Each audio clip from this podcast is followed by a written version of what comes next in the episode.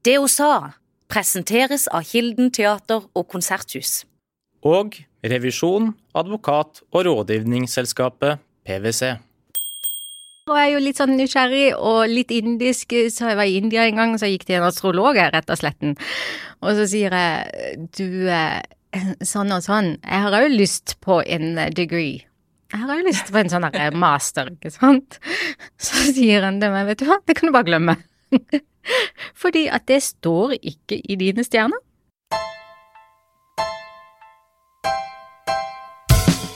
Sarita Setchpal, velkommen til det hun sa. Jo, takk skal du ha. Du er en kjent gründer, og profilert gründer, ikke minst. Eh, Du har din egen merkevare, Saritas. Mm. Og så har du og familien din faktisk drevet restaurant i 28 år, ikke sant sånn? Vi er ferdig med 28, vi er faktisk i vår 29. år nå. Og det betyr at dere er Kristiansands eldste restaurant. I drift, samme familie, samme konsept og samme sted. Hvordan føles det? Stort. Men jeg bare lurer på om det sier noe om restauranten, at den er så himla bra, eller at sørlendinger ikke er så treige, og at vi på en måte adopterte indisk restaurant for liksom 29 år siden. Bare tenk på det. Vi som er kjent for å være liksom forsiktige og ikke tørre så mye, så, eh, så har vi holdt på så lenge. Opplevde du da dere starta at sørlendinger var litt trege? Nei. Nei? Men du hadde hørt det, da? eller? Altså, jeg er jo oppvokst her, så jeg vet jo eh, kanskje sjøl òg litt sånn treg noen ganger, ikke sant?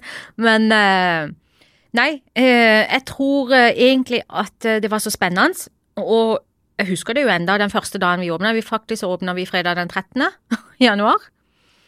Eh, og det var kø langs hjørnet med Geheb konditori, og folk måtte vente over to timer på maten.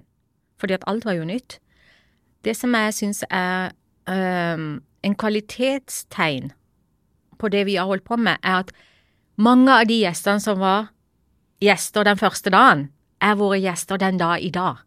Og de er kanskje sånn tre ganger i måneden. Det er de. Og så er det vel kanskje sånn typisk sørlandsk, men det de åt for 28 år siden, det er de den dag i dag. Så har de ikke bytta, og så sier jeg ja, men du, hallo, vi har jo noe annet òg på menyen. Vil du ikke prøve? Og så får jeg tilbake hvorfor det? Jeg er jo fornøyd, Sarita, det er jo det viktigste at vi er fornøyd, er det ikke det du vil? Jo, ja, men 28 år, samme retten. Så sånn, sånn har vi det. Men du, Sarita, vi skal bli litt kjent med deg. Og så håpet jeg at du kanskje kunne komme med noen tips til andre gründere. Du har lang erfaring i å starte opp nye ting. Men vi skal som sagt prøve å bli litt kjent. Tegne et lite bilde av hvem du er. Hvis du sjøl skal si to ting som kjennetegner deg, hva skal det være? Um, uredd, nummer én. Og Jo, men det kan jeg fortelle. Et annet kjennetegn med meg er at jeg er veldig nysgjerrig. Og jeg tror de egen- egenskapene egentlig henger veldig sammen. For det at jeg er nysgjerrig, dermed så tør jeg å prøve nye ting, bare for å se du hvordan funker ting og tang. Vi skal snakke både litt business, Mm. og så skal vi være litt personlige. Ja. Og vi har jo ikke snakka mye før, men vi møttes for et par dager siden for å liksom Ja. planlegge litt om hva vi kunne ha som tema i podkasten. Mm.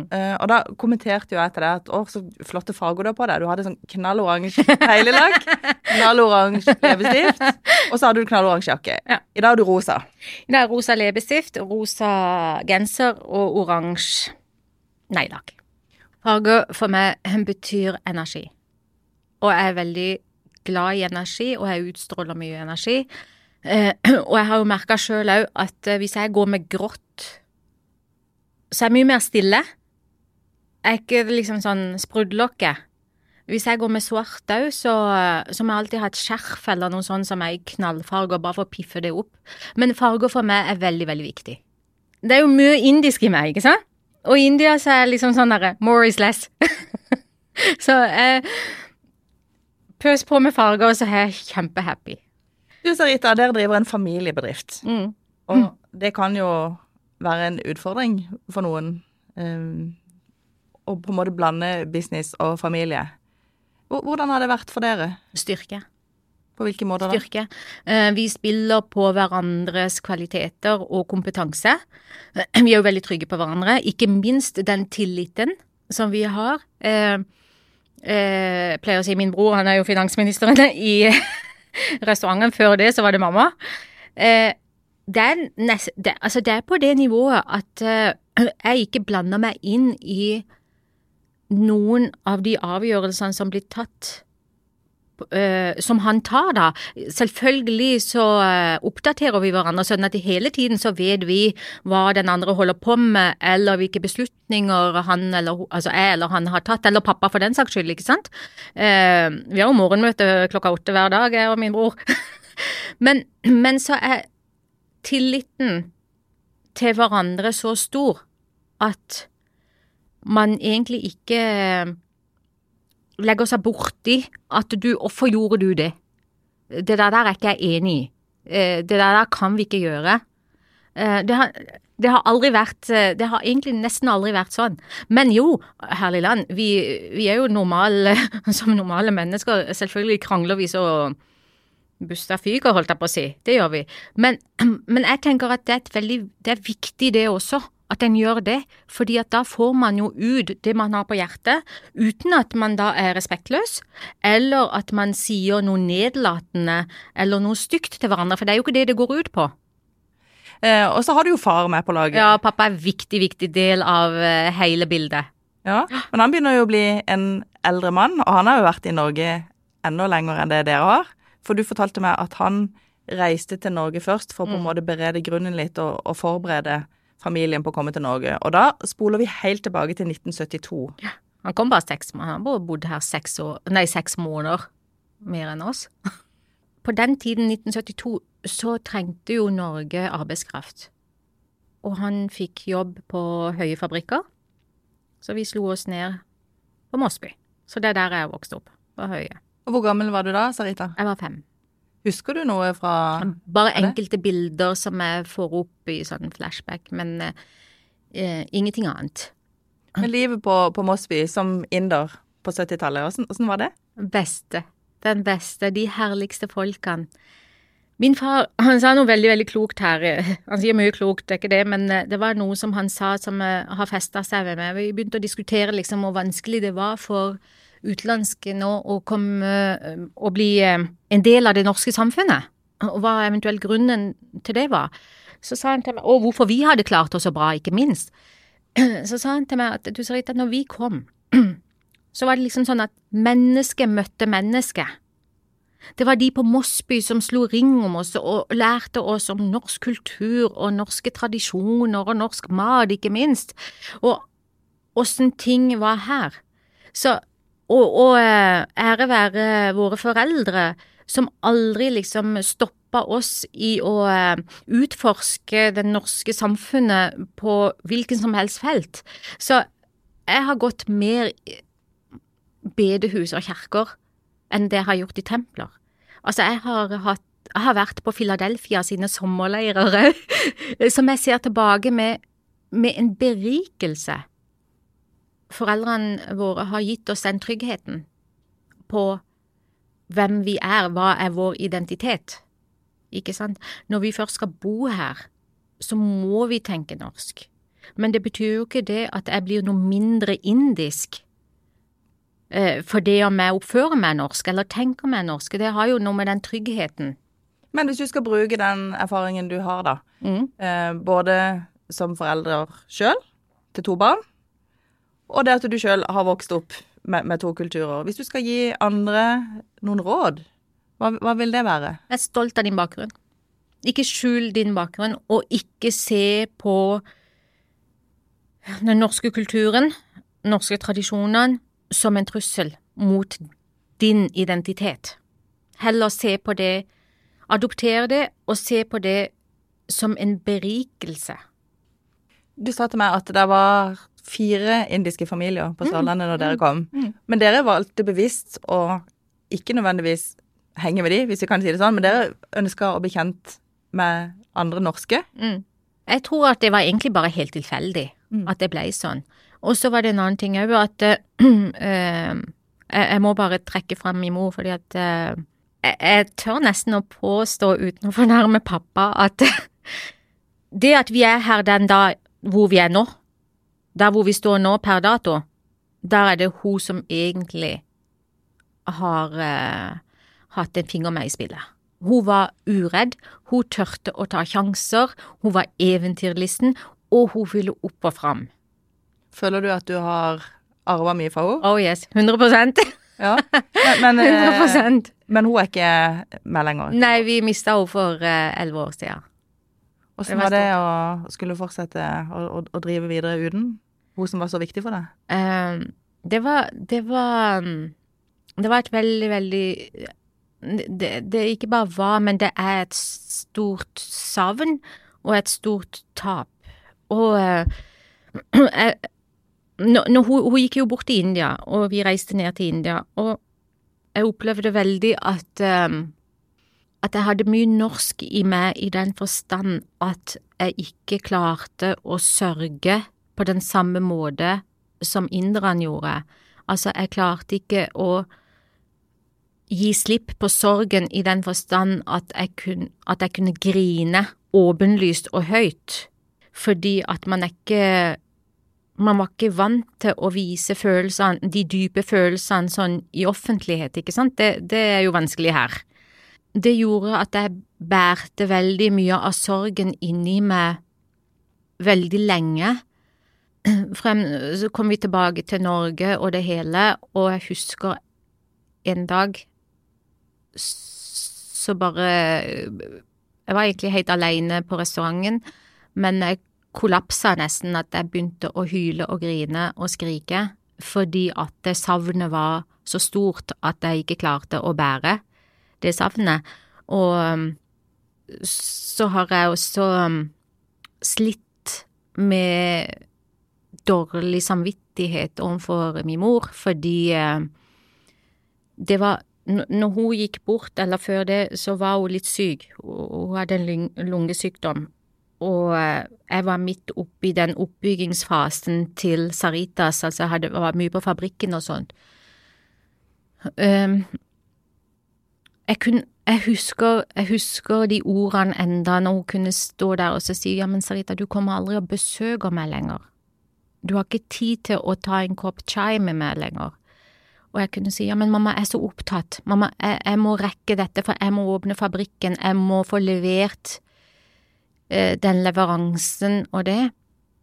Og, og det jo, det hender jo at jeg får fram hennes ansikt når hun sa de tingene, og, og, jeg går i kjelleren, fordi når jeg tenker etter, jeg hadde tid.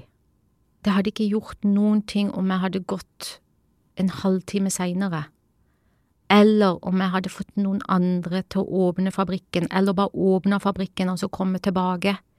Fordi man tror jo alltid at man har all verdens tid i livet det man ikke rekker i dag, det kan man gjøre i, dag, i morgen eller neste år eller neste uke, ikke sant, men så skjer det noe, og så kommer du i en situasjon hvor det, hvor det aldri kan skje igjen.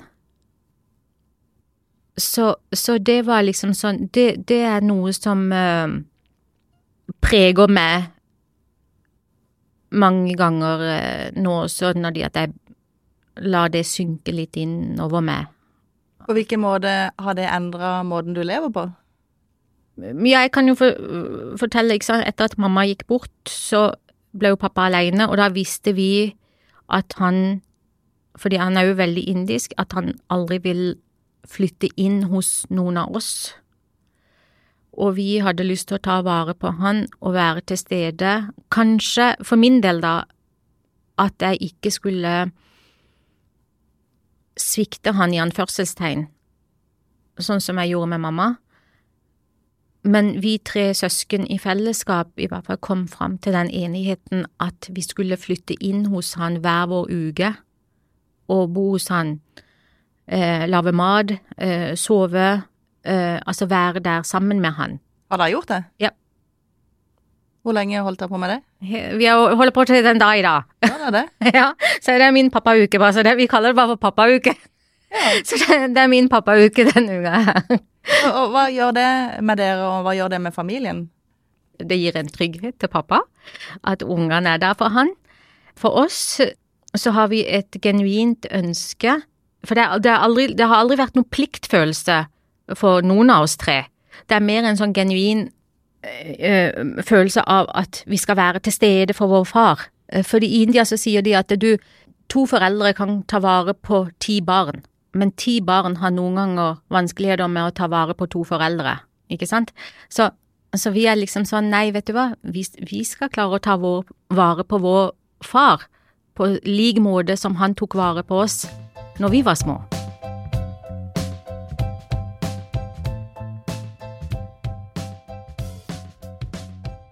Sarita, du er jo ei forretningsdame, hvis jeg kan si det. Du er stadig opptatt av å sette i gang nye ting. Mm. Samtidig så er du fremdeles mye i restauranten der driver, i Mother India. Mm. Eh, hvem er det gjestene møter når du er på jobb der? Eh, De møter meg som er. Hvordan er Det det? er aldri noe For det første så spiller jeg aldri noen sånn rolle, ikke sant. Jeg er den jeg er, jeg ler mye. Men jeg bryr meg veldig mye om folk. Eh, Det er vel også en ting jeg har. Eh, Når jeg spør Og det, nå kjenner jeg jo 85 av gjestene. Du har fulgt de i 28 år. Du er blitt kjent med de. Og jeg har jo mange som egentlig har eh, snakka veldig dypt med meg. Jeg hadde noen her forgårs, faktisk. Jeg var veldig Du, åssen går det med deg? Jeg Det sa du da. Ja, jeg sa jeg syns du ser eh, litt nedafor ut, ikke sant? Eh, det vanlige er jo at nei, du vet jo, det går greit, ikke sant? Det er jo det vi ville ha svart. Men jeg fikk jo da hele hva han, denne personen hadde gått igjennom av sykdom i det siste, og så sier han til meg, Sarita, jeg må fortelle deg noe. Ja, på mine 60 år så tror jeg aldri har grene, men jeg grein for første gang når jeg lå på sykehuset. Og, og da bare klemte han. Bare sånn veldig spontant, fordi at det ene at han hadde den tilliten til meg at han kunne si det, eller dele dette med meg, ikke sant? Og da hadde jeg, når jeg ga en klem, hvorfor ga en klem? Jo, det var egentlig mer for å overføre min energi over på han. Det er jo derfor, altså jeg klemmer folk fordi at jeg deler min energi med andre. Um, og, jeg, det var samme dagen, det var merkelig, men da var det noen andre som, som hadde hatt et sånt samlivsbrudd. Så fikk jeg liksom hele historien om det, ikke sant. Så, og da tar jeg meg tid, og den dagen hadde jeg mye å gjøre òg. Jeg tok meg, jeg sa til han, vet du hva, jeg er litt opptatt, men bare sitt, bare sitt, så kommer jeg. Og så var jeg borte og snakka med noen gjester, tok ifra noe betaling, serverte og vaska noen glass, og så kom jeg tilbake, og så hørte jeg litt av historien. Og så, ja, bare sitt, så kommer jeg igjen, ikke sant. Og denne personen var heller ikke liksom, du, hun løper jo som en galning her, og så kommer hun til meg sånn innimellom, men når jeg satt med han, så var jeg bare hans. Altså, da hørte jeg på hva han sa, da var det liksom at du, nå kan det andre vente, for det visste jeg at det kunne vente. Da hørte jeg på denne personen fordi at jeg følte at det var derfor denne personen ønsket å prate med meg, fordi han følte en trygghet og en komfort. Så, så det er også en del av eh, det vi holder på med, og, og jeg er jo veldig ydmyk for at eh, gjestene mine føler det på den måten.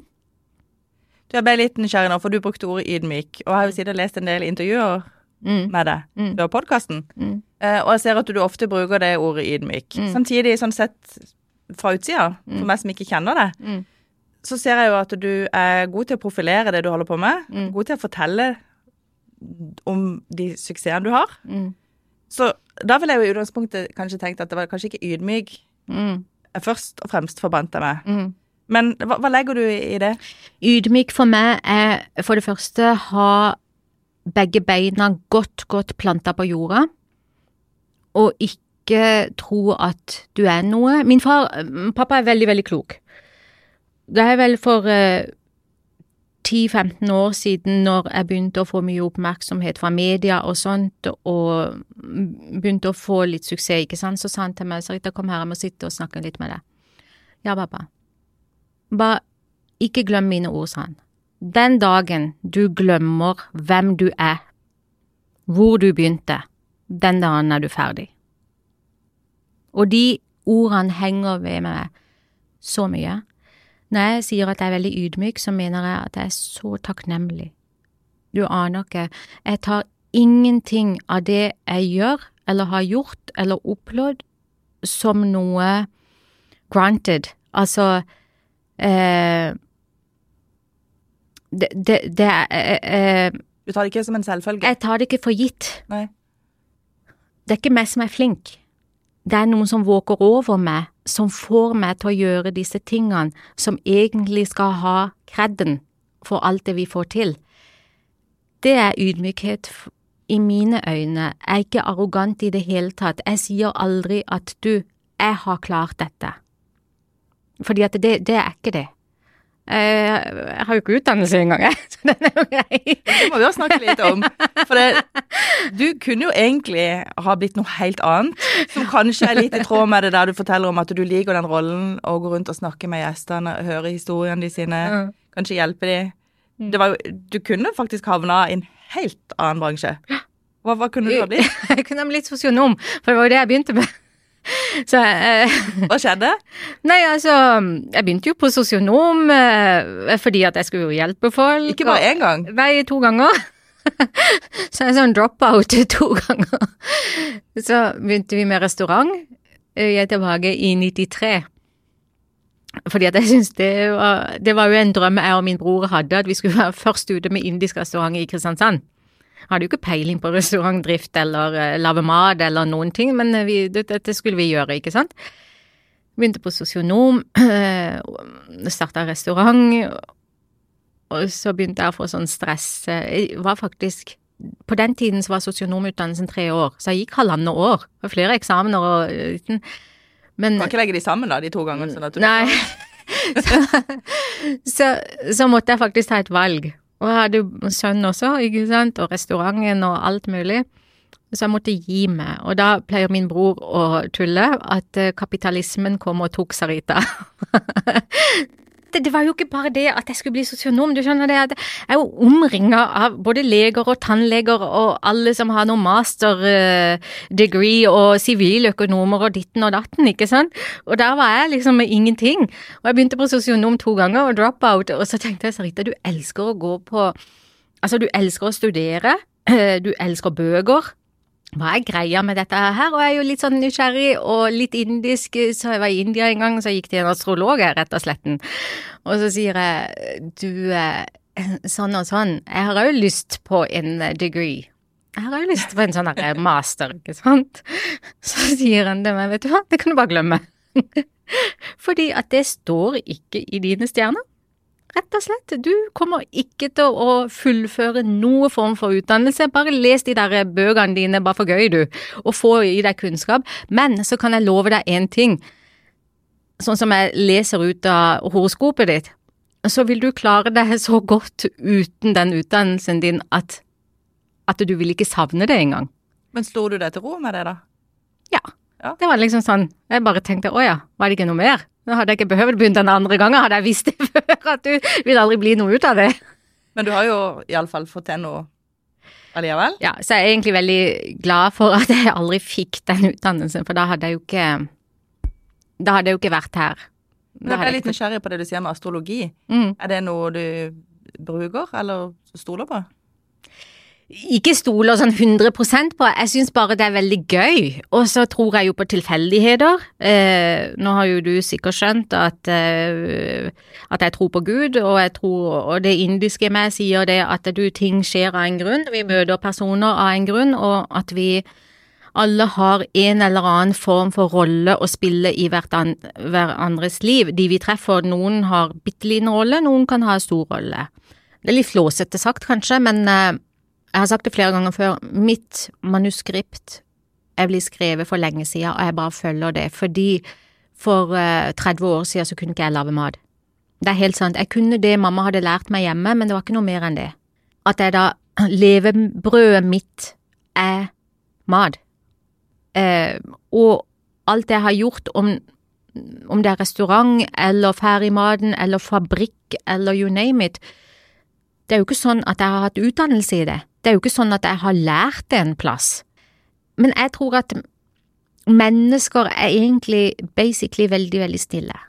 Hvis vi spør noen at du, jeg trenger hjelp, jeg kan ikke dette, Og sånn som jeg pleide å si, du, jeg har en drøm om å gjøre dette, men jeg har ikke peiling. Kan ikke du hjelpe meg med å realisere min drøm?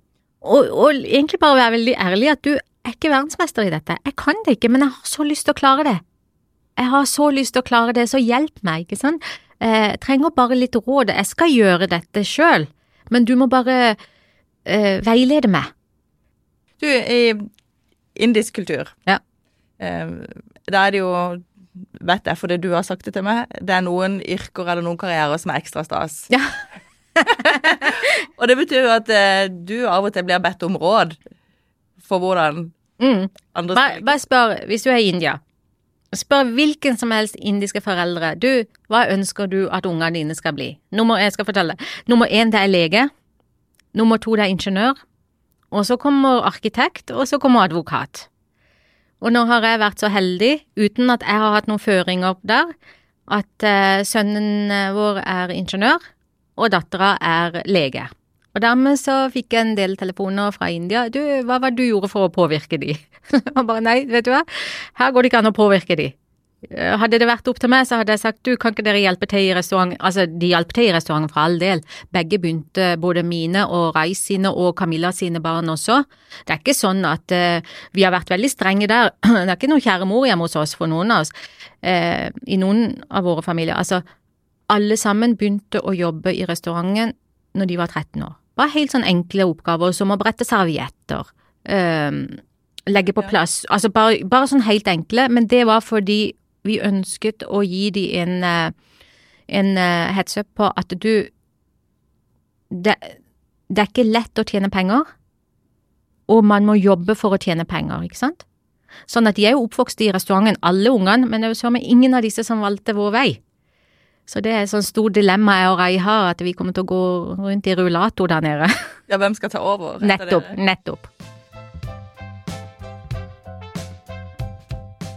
Du, jeg tenkte på en helt annen ting. Um, og det handler jo om India, det òg. For jeg har aldri vært i India, og det er jo mange som ikke har vært det. Men hva tror du Eller hva syns du vi bør vite om India? Og jeg hadde jo en tur nå, ikke sant. Jeg kom jo hjem forrige uke. 33 stykker nordmenn. Eh, forventningsfulle, ikke minst. Eh, og man har jo Man gjør jo opp sine meninger alt dette som hva man ser på TV, leser i avisene og tror, ikke sant? Og sånn hadde jo denne gruppa også. Og det jeg husker at jeg sa til de var at du, det jeg ønsker fra dere, det er det at dere skal gå Vi skal reise nå, men gå med et åpent sinn. Fordi at dere vil se og dere vil høre som ikke er sånn som vi er vant til. Og det vil virke bare helt bak mål mye av det de gjør i India, ikke sant, måten de gjør det, og måten de tenker på, men det er, det er fordi at det er det som er de sin greie, at vi må da bare møte det med respekt, for det er det det handler om, ikke sant, så må en forstå hvorfor de gjør sånn som de gjør, hvorfor de tenker sånn som de gjør, ikke sant, og det er egentlig litt artig at du sa det, men for det første så har jeg så takknemlig fordi at det var en av mine mest perfekte turer, hvis jeg kan få lov til å si det. Jeg fikk muligheten til å vise mine rødder, og India har forandra seg mye. Det forandrer seg fra gang til gang, altså hver gang jeg er der. Men jeg, i går når jeg kom ned på restauranten på jobb, så lå det et kort til meg. Det var et gavekort faktisk fra hele gruppa. På, den, på det kortet, det er synd ikke jeg tok det med, fordi at på det så sto det takk for at du forvandlet våre fordommer over til respekt. At de gikk kanskje med noen fordommer som ble da gjort om til noe respekt for det landet og den kulturen og det de så. Men hva tror du de ble mest overraska over, hvis du skal være liksom helt konkret? Menneskene. Ja, og hva var det med menneskene? Menneskene, altså den filosofien inderne har om at du får det om eh, For det om du er rik og ikke er like rik som deg, og ikke har det helt akkurat så greit som du har det, så er det min skjebne, og du lever din skjebne. Det er din karma, og dette er min karma. Ikke sant? Og så er det jo noe som jeg hører eh, eh, flere ganger når jeg har vært på turene. indre sier til meg, Sarita, hvorfor er du og de du har med deg, så herja i ansiktet? Hvorfor er dere så stressa i ansiktet? Hva er det dere løper etter? Jeg ser at dere er kjemperike, men ansiktet deres har jo, dere har jo ikke liksom denne roen. Og den første gangen jeg fikk høre det, så tenkte jeg oi, jeg har sminka meg helt feil, kanskje, at det er det de reagerer på. Men så begynte jeg å tenke, hva er det de ser? Hva er det der liksom, Så begynte jeg å se på de, og jeg begynte å se på selv de som kjører riksja, eller de som sto i butikken og alt det der, og så så jeg bare, vet du hva, det smilet de gir meg, det, det er jo helt opp til øynene. Det er et ærlig smil. De, de øynene ser ikke på meg med misunnelse eller noen ting, det er bare et genuint smil, uten at det er noe baktankevekt. det. Er ikke noe falsk smil, ikke sant? Så jeg begynte å lure på, er det det de kan se, at du, når jeg smiler, så smiler jeg ikke med hjertet? Er det det de mener? Men det er faktisk en kommentar jeg veldig ofte får. Men hva tror du? Tror du det er det? Jeg tror det er jo det at vi stresser veldig. Vi har jo ikke denne roen, ikke sant. Men Bortsett du- fra ja. de som mediterer, ikke sant. Stresser du på den norske måten, eller har du roen på den indiske måten? Nei, jeg stresser jo som bare det, jeg. Jeg stresser jo bare det. Uh, Men klarer du å omstille deg når du kommer til India? Eller du stresser du jeg, der jeg òg? klarer jo ikke å meditere. Jeg har jo prøvd, jeg klarer jo ikke å sitte rolig mer enn ett minutt. Jeg er jo den som egentlig etter en halvtime med massasje, hvor du er på spa og egentlig skal bare roe deg ned, sier vet du hva, nå er det nok, nå må jeg opp, for nå klarer ikke jeg å ligge her. Jeg må gjøre et eller annet. Men du, hvis du skulle ta, prøve å ta med oss som hører på nå, til India Ja. Så vi kommer Vi flyr, vi kommer ut. Vi blir med. Ja, ja, ikke sant? Um, hva ser vi? Hva Dere ser- vi? Hva opplever vi? Dere ser, det første dere ser er farger. Fordi, vet du hva, det, det lærte jeg faktisk denne gangen her. Eh, det var en av guidene, vi var vel i Varanasi, den hellige byen. Sort. Han sa sort tiltrekker negativ energi. Sort farge tiltrekker eh, stress. Derfor så ser du veldig lite sort i India. Så begynte jeg å tenke på min mann, han pleier å si det hver gang jeg går med svart genser, så må du gå med svarte klær, sier han. Så jeg liksom, hæ? Eh, Så farger er nummer én som dere vil se. Og så vil en se folk som er glad i å pynte seg, kvinner. Skulle nesten tro de skulle på fest, ikke sant, så skal de bare bort i butikken og handle. Det er nummer eh, to, og så er det jo alle lydene, og det er så mange folk. Det er 1,2 milliarder, ikke sant? Og så vil en se Det er jo mange lukter, ikke minst. En annen ting som en vil se, det er jo det at en finner et tempel rundt hvert gatehjørne. Og du ser alltid en eller annen som spaserer forbi, som står der med folda hender. Eh, om han skal på jobb, eller eh, nei, kommer fra jobb, eller om det er et eller annet, eller om han bare skal vise ren takknemlighet. Det er også fordi at religion glir så inn i dagliglivet i India at eh, du noen ganger ikke klarer å skille hva er det som er religion, hva er det som er tradisjon, hva er det som er kultur. Og så vil en eh, se på smilet.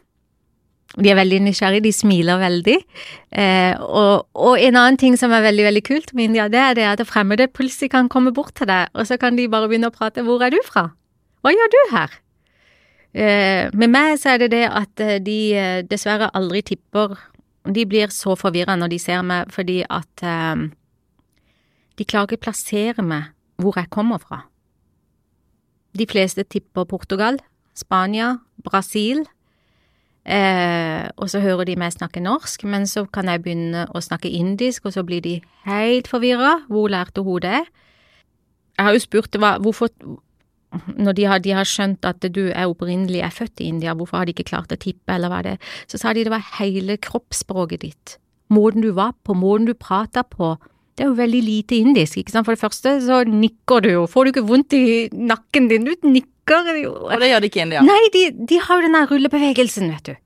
De ruller jo med, hal med, med halsen eller nei. Og det får jo ikke jeg til etter Faktisk var det noen som sa det på slutten av turen. Sarita, nå så vi det, nå ruller du med nakken akkurat du gjør. kan du vise? Nei, jeg vet ikke, nå er jo jeg stiv igjen, ikke sant. Men du ser jo at jeg nikker.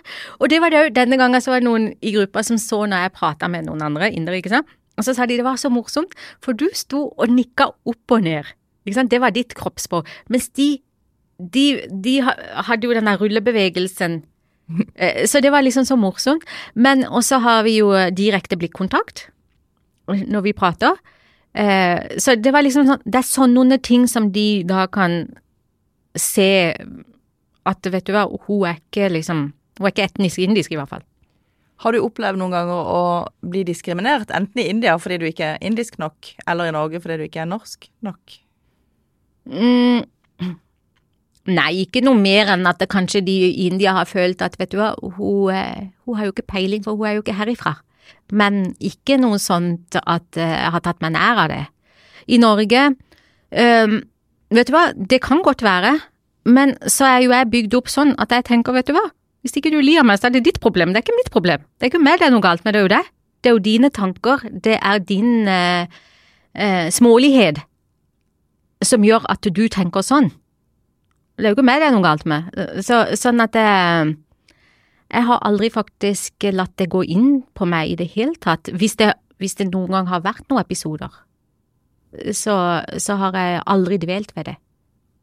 Vi skal begynne å oppsummere litt, men jeg har jo egentlig lovt at du skal dele noen råd. Eh, Fordi du er jo en, eh, som vi snakket om tidligere, du er en etter hvert ganske erfaren gründer. Du har starta opp mye. Hvis de som hører på nå, går rundt og drømmer om å starte noe eget, Mm. går det an å si litt sånn kort og konkret hva de bør tenke på, basert på den erfaringa du har? Nummer én så må du ville. Det er nummer én. Det er ikke liksom sånn du, jeg har egentlig lyst til å gjøre det. Det er ikke sånn det er. Du, du skal faktisk brenne for det ønsket, at du, det skal jeg gjøre, og så må du vite det at for å oppnå det, så må du ofre mye. Det er nummer én. Og så må du hoppe på alle de togene som stopper på din stasjon. Du skal ikke være det, du skal ikke være redd for å trø over terskelen. Og det derre visse, det bør aldri komme at du, hvis det skjer, hvis jeg ikke får det til, det er det som stopper oss, fordi at det er mange ganger at vi har egentlig hele planen klar, så er det det siste hvor vi skal bare sette ting ut i livet, så er det en, vis, er det en stemme som sier ja, men du, tenk hvis ikke jeg får det til, tenk hvis det går galt, tenk hvis han sier nei, tenk hvis ikke det skjer, så backer vi jo unna. Tro på dere sjøl, altså her sitter jeg med dropout to ganger. Og har klart, men det er jo fordi at jeg har villet gjøre disse tingene. Jeg har lyst til å spørre deg om råd om et litt annet tema før vi går på de faste postene, mens jeg først har det her. Fordi Norge er jo heldigvis i ferd med å bli enda mer mangfoldig. Mm. Um, og som vi snakka litt om i stad, så er det jo noen som syns det er vanskelig å finne ut hvor de hører hjemme. Du har klart å forene to kulturer, og for deg er det en styrke. Ja. Hvis du skal gi noen råd til andre da, som sliter litt med å finne ut hvor de hører hjemme, hvordan kan de klare å snu det til noe positivt? Eh, vær stolt av dine rødder. Bruk din bakgrunn, bruk dine rødder, bruk ditt hjemland for alt det det er verd. Vær stolt av den du er. Og med det så tenkte jeg vi skulle ta noen av de faste postene. Ja. Så da begynner jeg med å spørre deg om hvem du vil fremsnakke. Det er så mange sterke kvinner som jeg kunne ha fremsnakka, ikke sant. Eh, Jeg var, traff den som jeg ser opp til, Gro Harlem. Sterk dame. Jeg så opp til Indira Gandhi, statsministeren i India. Det er da kvinner som har fått til, ikke sant. På lokalplan så kan jeg jo for eksempel si Ann Kristi Olsen. Ikke minst, ikke sant. Du har Mette Gundersen, du har mange. Men av en eller annen grunn så tenker jeg, vet du hva, de har vært banebrytende på sine felt, og de har klart seg veldig bra, og de har fått den oppmerksomheten som de har fortjent, for all del. Det er ikke det, men jeg tenker på alle de kvinnene som utgjør en forskjell i samfunnet, men som er usynlige. Det kan være helsearbeidere, det kan være hjemmehjelp, sykepleiere, øh, barnevern, eh, renholdere. Det, altså, det er egentlig disse personene som bidrar til å ha den viktige rollen for at et samfunn sviver. Hvilke ord og uttrykk vil du gjerne ha kvitta deg med? Det går greit. jeg føler at vi dekker oss så mye bak det. Det er jo ikke alltid at det går greit, så kan vi ikke bare si det. Vet du hva, i dag så går det ikke greit. Fordi det er jo sånn, bare legg merke til det. Samme hvem du spør, om ikke de har det greit. Og så går det. Jo, du, det går greit. Men hva skjer da, hvis du begynner å fortelle hvordan det egentlig går? For min del så går det veldig greit å, å fortelle meg, men eh, jeg tror kanskje at eh, man blir litt satt ut, fordi at det, man forventer det ikke. Man forventer at du, man skal svare med at du, det går greit, ikke sant? Fordi vi er kanskje litt redde, jeg vet ikke, vi er kanskje litt redde for å gå inn i den der private sfæren. At man er redd for å tråkke noen på tærne, man er redd for å blande seg inn i andres liv. Eh, eller at man tenker det at vet du hva, hun eller han er kanskje veldig opptatt. Hvorfor skal jeg bry de med mine problemer? Men, men tenk hvis en kunne ha sagt det, vet du hva, i dag har jeg det ikke så gledelig greit. Så tror jeg om du bare svarer med å gi en klem, så har du klart å overføre din energi til noen andre. Det hadde du ikke klart ved å si ja, men du, det går greit. Så da begynte vi denne samtalen med å snakke om energi. Ja. Så runder vi av å snakke om energi. Ja. Sarita, tusen takk for at du ville komme til det hun sa og fortelle. Du, takk for at jeg fikk lov til å komme, og takk for at jeg fikk lov til å dele mine tanker. Du har hørt på Det hun sa av Federlandsvennen. Følg oss på Instagram og meld deg inn i Facebook-gruppen vår. Der kan du foreslå en gjest du har lyst til å høre i neste episode.